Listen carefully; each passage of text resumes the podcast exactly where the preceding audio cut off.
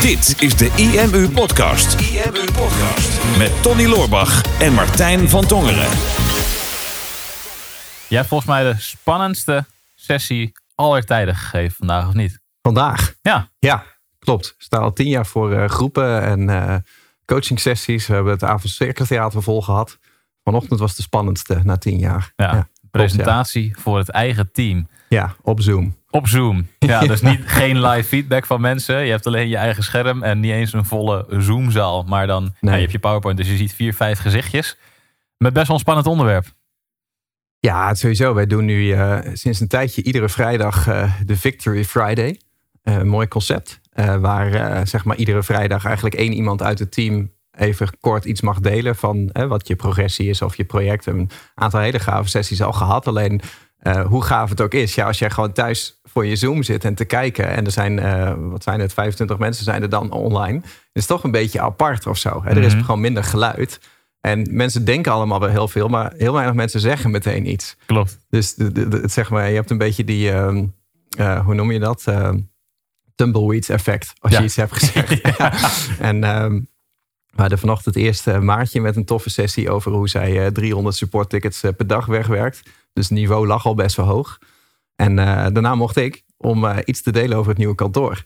Ja. En uh, ja, dat is best wel een spannend onderwerp. Want ja, we zijn echt enorm gegroeid dit jaar. In januari waren we met 17. We zijn nu met uh, 28. En dat is, uh, tijdens corona is dat gegroeid. Dus een heleboel mensen in het team, die, die ken ik alleen nog maar uit de coronatijd. Um, en, en we zijn ook het kantoor uitgegroeid. Dus we moeten naar een nieuw kantoor toe. En we hebben een nieuw kantoor gevonden. Maar ja, het is wel spannend om dat aan zo'n groep te gaan, uh, te gaan vertellen. Dus ja, lekker dagje wel. Op vrijdag de 13e. Op vrijdag de 13e, ja. Dus alles zat tegen, maar ja. eigenlijk niet. Nee, ging heel goed. Ging heel goed. Ja, het is, het is een bijzondere tijd om zo te groeien met het team. Hebben wij de mazzel, um, of de mazzel, zo is het bedrijf nou opgezet, dat we natuurlijk meerdere kleinere teams hebben binnen het bedrijf. En die groei is bij de verschillende teams gebeurd. Dus er zijn overal wel een aantal hoofdverantwoordelijken die de cultuurdragers, mm -hmm. uh, waar een cultuurdrager zit en die de cultuur kunnen overdragen. Um, en in ieder geval deze sessies bij elkaar, zodat je in ieder geval nog wat connectie met elkaar kan hebben. Alleen het belangrijk, het spannende nieuws was niet alleen dat we naar een nieuw kantoor gingen, want dat was wel al bekend. Omdat mm -hmm. stel dat iedereen hier nu op kantoor zou zijn.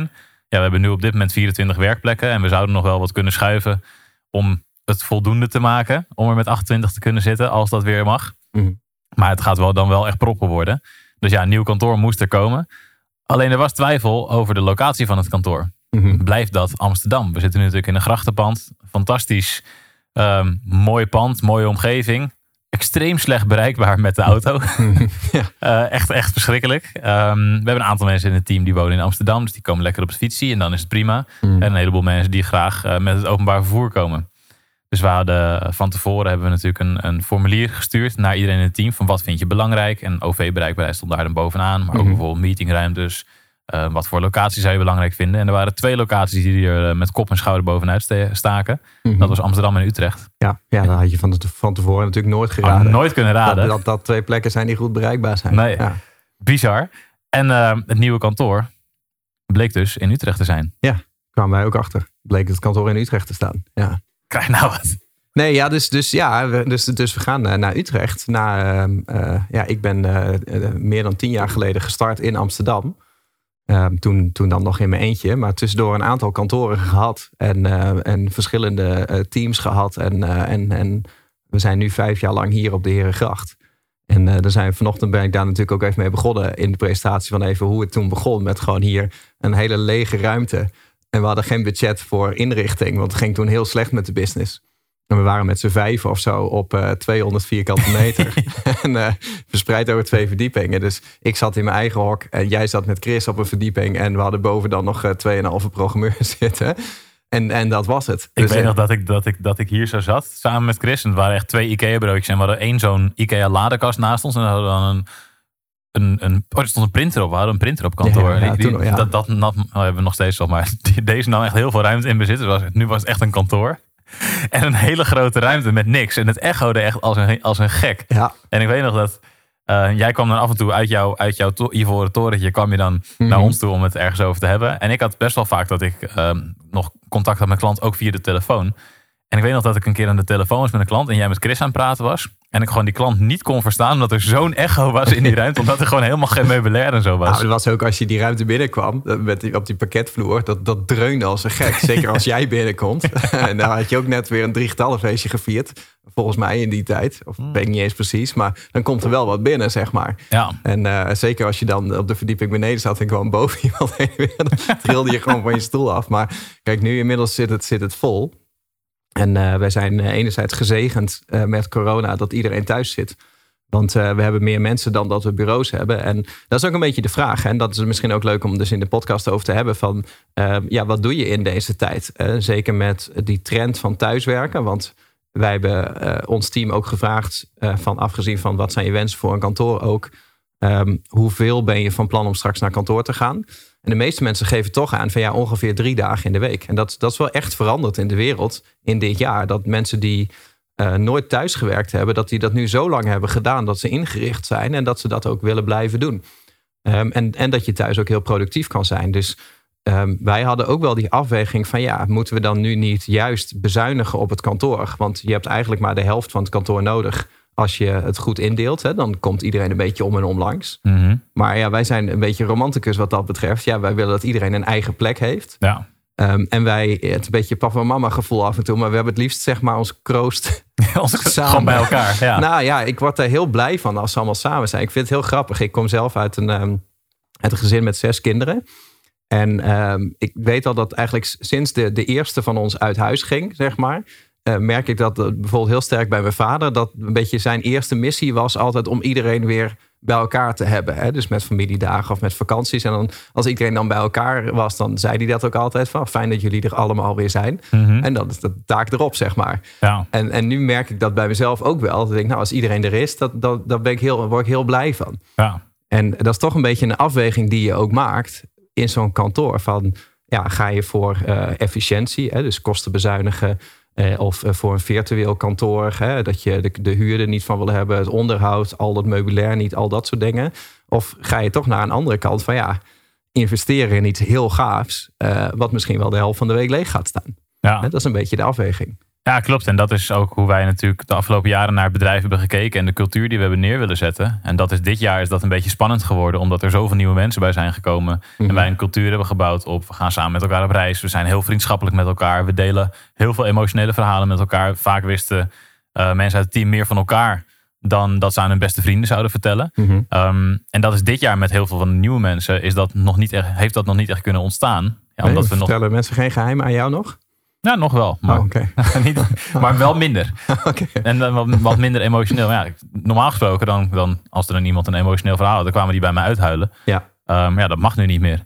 Ja. Je mag, je mag nu niet meer iemand een knuffel geven. Dus ja, Nee, dat is wel lastig. Want kijk, ik, ik, ik heb natuurlijk een andere rol dan jij. Ik doe meer, zeg maar, orders geven van bovenaf. En jij bent eh, de, de ruggetjesaaier van de IMU. maar je mag nu niemand terug. ik mag niemand terug aaien, dus ik, weet, Nee. ik doe ook niks meer de hele dag. jaar al niks. ik weet helemaal niks meer.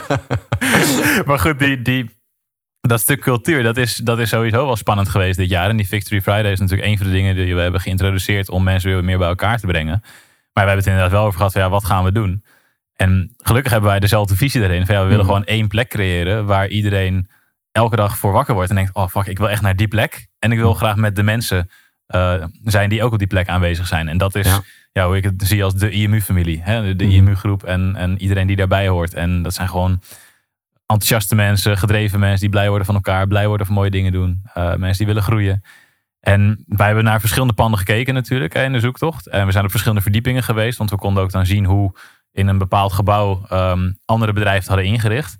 En we zijn bij een aantal bedrijven geweest en daar viel je echt bijna in slaap als je naar binnen viel. Hoe saai dat was ingedeeld. En ik denk, ja, Mhm. dat soort bedrijven, die gaan waarschijnlijk nu iets hebben van, nou oké, we gaan in de kosten snijden en we gaan lekker mensen veel thuis laten werken. Want dat was gewoon echt een werkplek van we moeten een kantoor hebben en er Mhm. moeten mensen zitten. Maar we gaan niet ons best doen om daar een leuke plek van te maken of zo. We gaan er Nou. gewoon voor zorgen dat mensen daar aan het werk zijn. Ja, klopt. En, en soms, eh, weet je, ik, ik denk ook niet per se dat er één waarheid is. hè. Ik ken eh, eh, heel veel ondernemers eh, waar ik af en toe mee spar. Sommige mensen, ondernemers, zijn echt mensen, mensen die, eh, die willen graag een team. Dat zijn goede managers. Die vinden het fijn om een cultuur te bouwen. Die vinden het fijn om werkgever te zijn. En jij hebt dat ook. Hè? Daar, word, je, word je heel vrolijk van. Ik heb dat ontwikkeld per ongeluk. Was helemaal niet van plan. Maar Ehm, ik merk dat aan mezelf. Van, er zijn een heleboel redenen om een bedrijf op te zetten. Hè. Je kan gaan voor dat je vrijheid wil in je eigen uren, eh, vrijheid in je eigen inkomen, in een bepaalde impact die je in de wereld wil maken. Nou, het feit dat je een cultuur wil bouwen.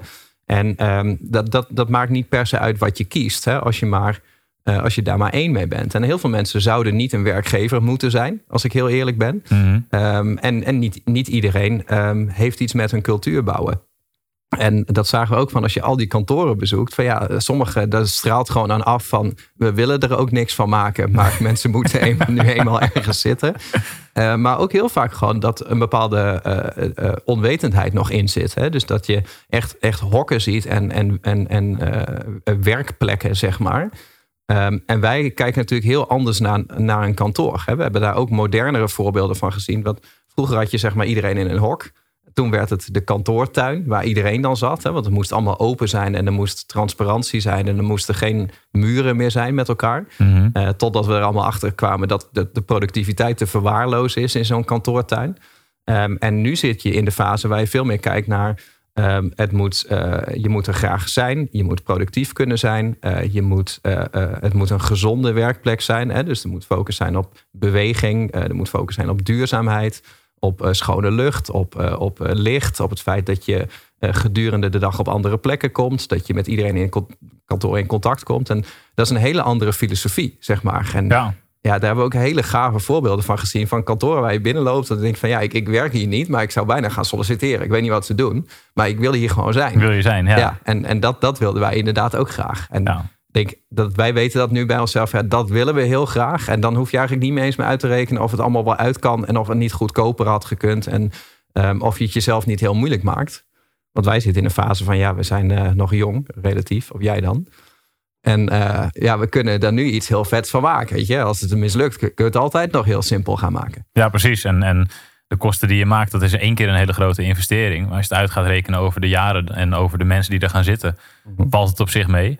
Kijk, en als je echt alleen maar op de cijfers zit, dan kijk je echt alleen maar wat er onder de streep voor jou overblijft. Maar ik, ja. ik ben wel iemand, en ja, dat is misschien hebberig, maar ik wil alles, weet je wel. I want to have it all. Dus ik Ja.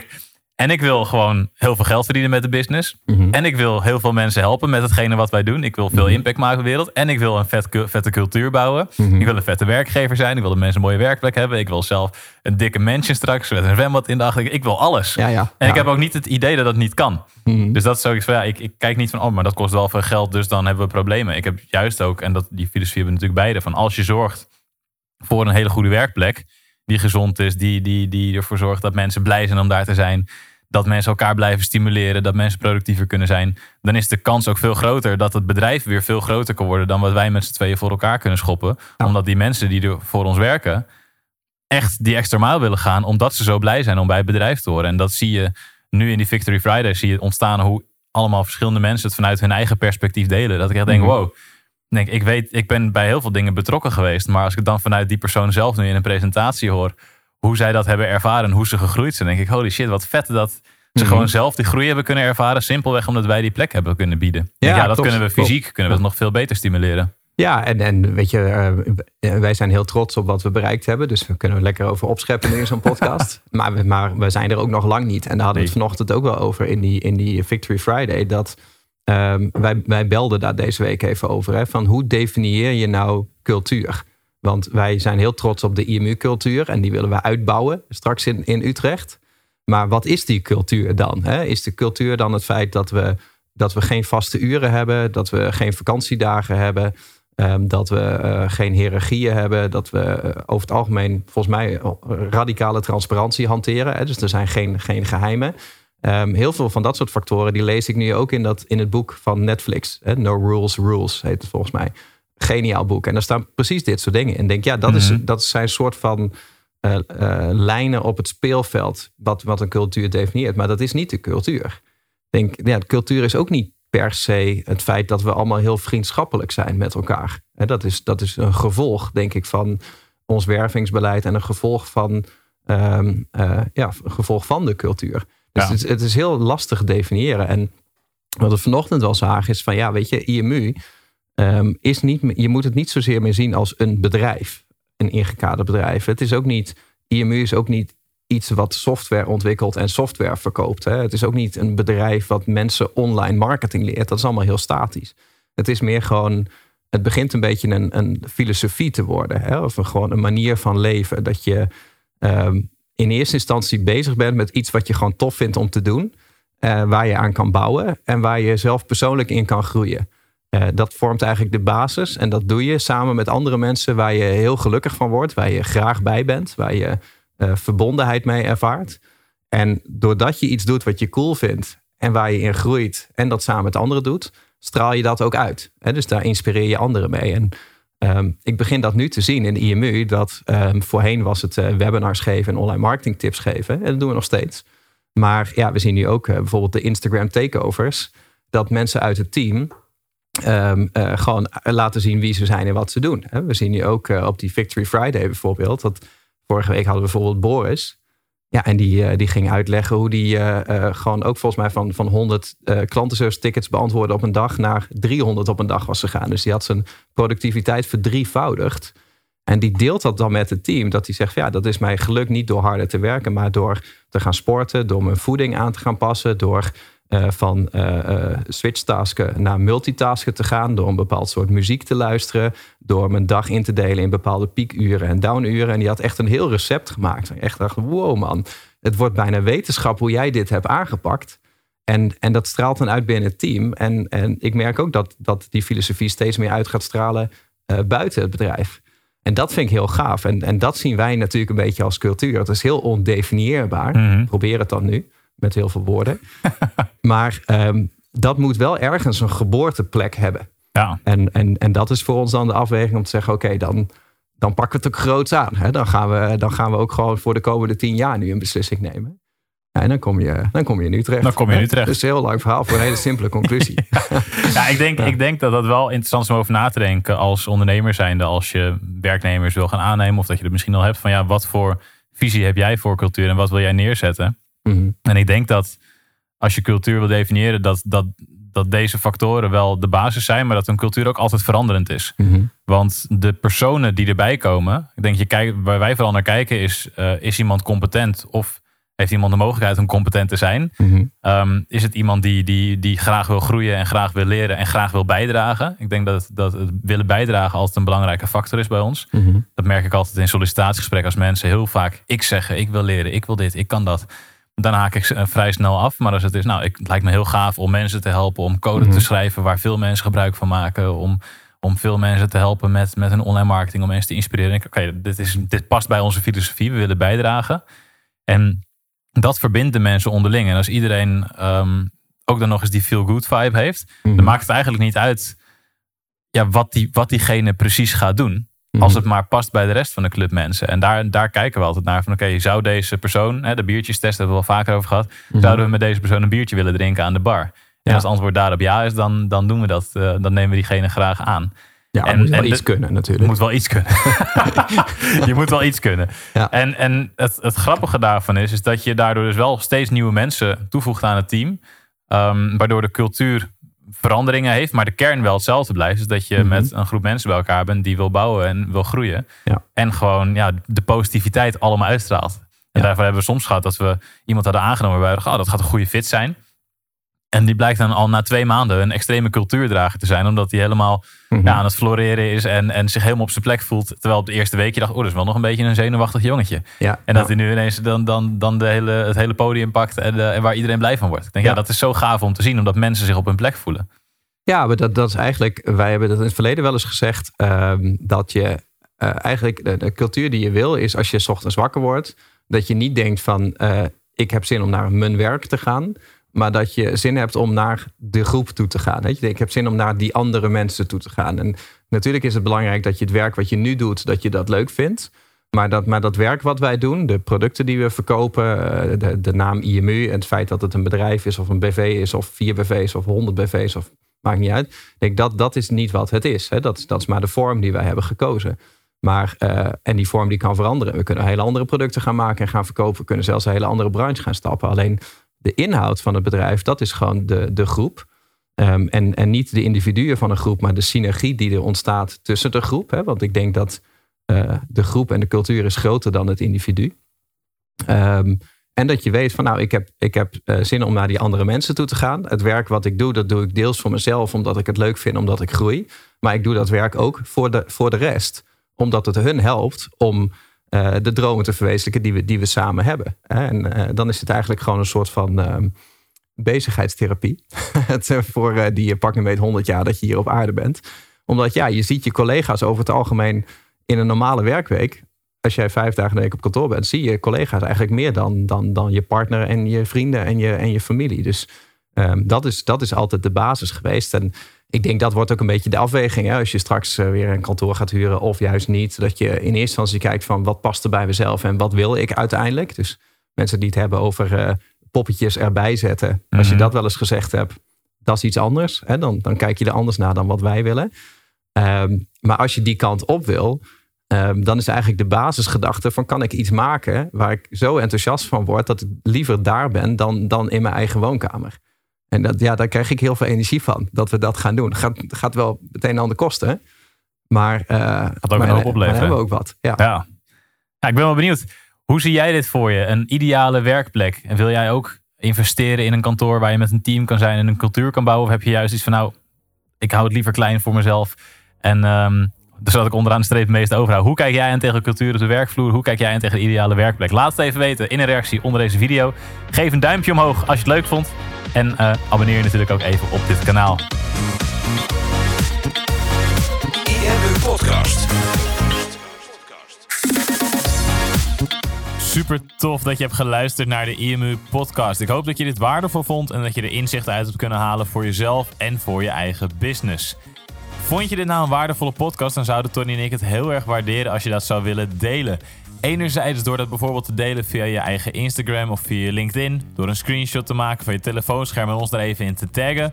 Maar wat we nog meer zouden waarderen is als je de tijd en moeite zou willen nemen om een review achter te laten. Werk je met een Apple-telefoon, dan kan je dat doen binnen je eigen podcast-app door daar een review te geven. Geef ons een x aantal sterren met daarbij een korte motivatie wat je van onze podcast vindt. Zouden we echt enorm waarderen als je die tijd zou willen nemen. En werk je met een Android-telefoon, dan zie je dat, daar, uh, dat de meeste apps geen review mogelijkheid hebben. Wat we dan heel erg zouden waarderen is als je op Google IMU zou willen intypen en vervolgens via de Google Review sectie iets zou willen vertellen over de IMU, wat je van ons vindt en wat je aan onze podcast hebt gehad. Alvast heel erg bedankt en ik hoop natuurlijk dat we je volgende week weer mogen verblijden met een volgende aflevering van de IMU podcast.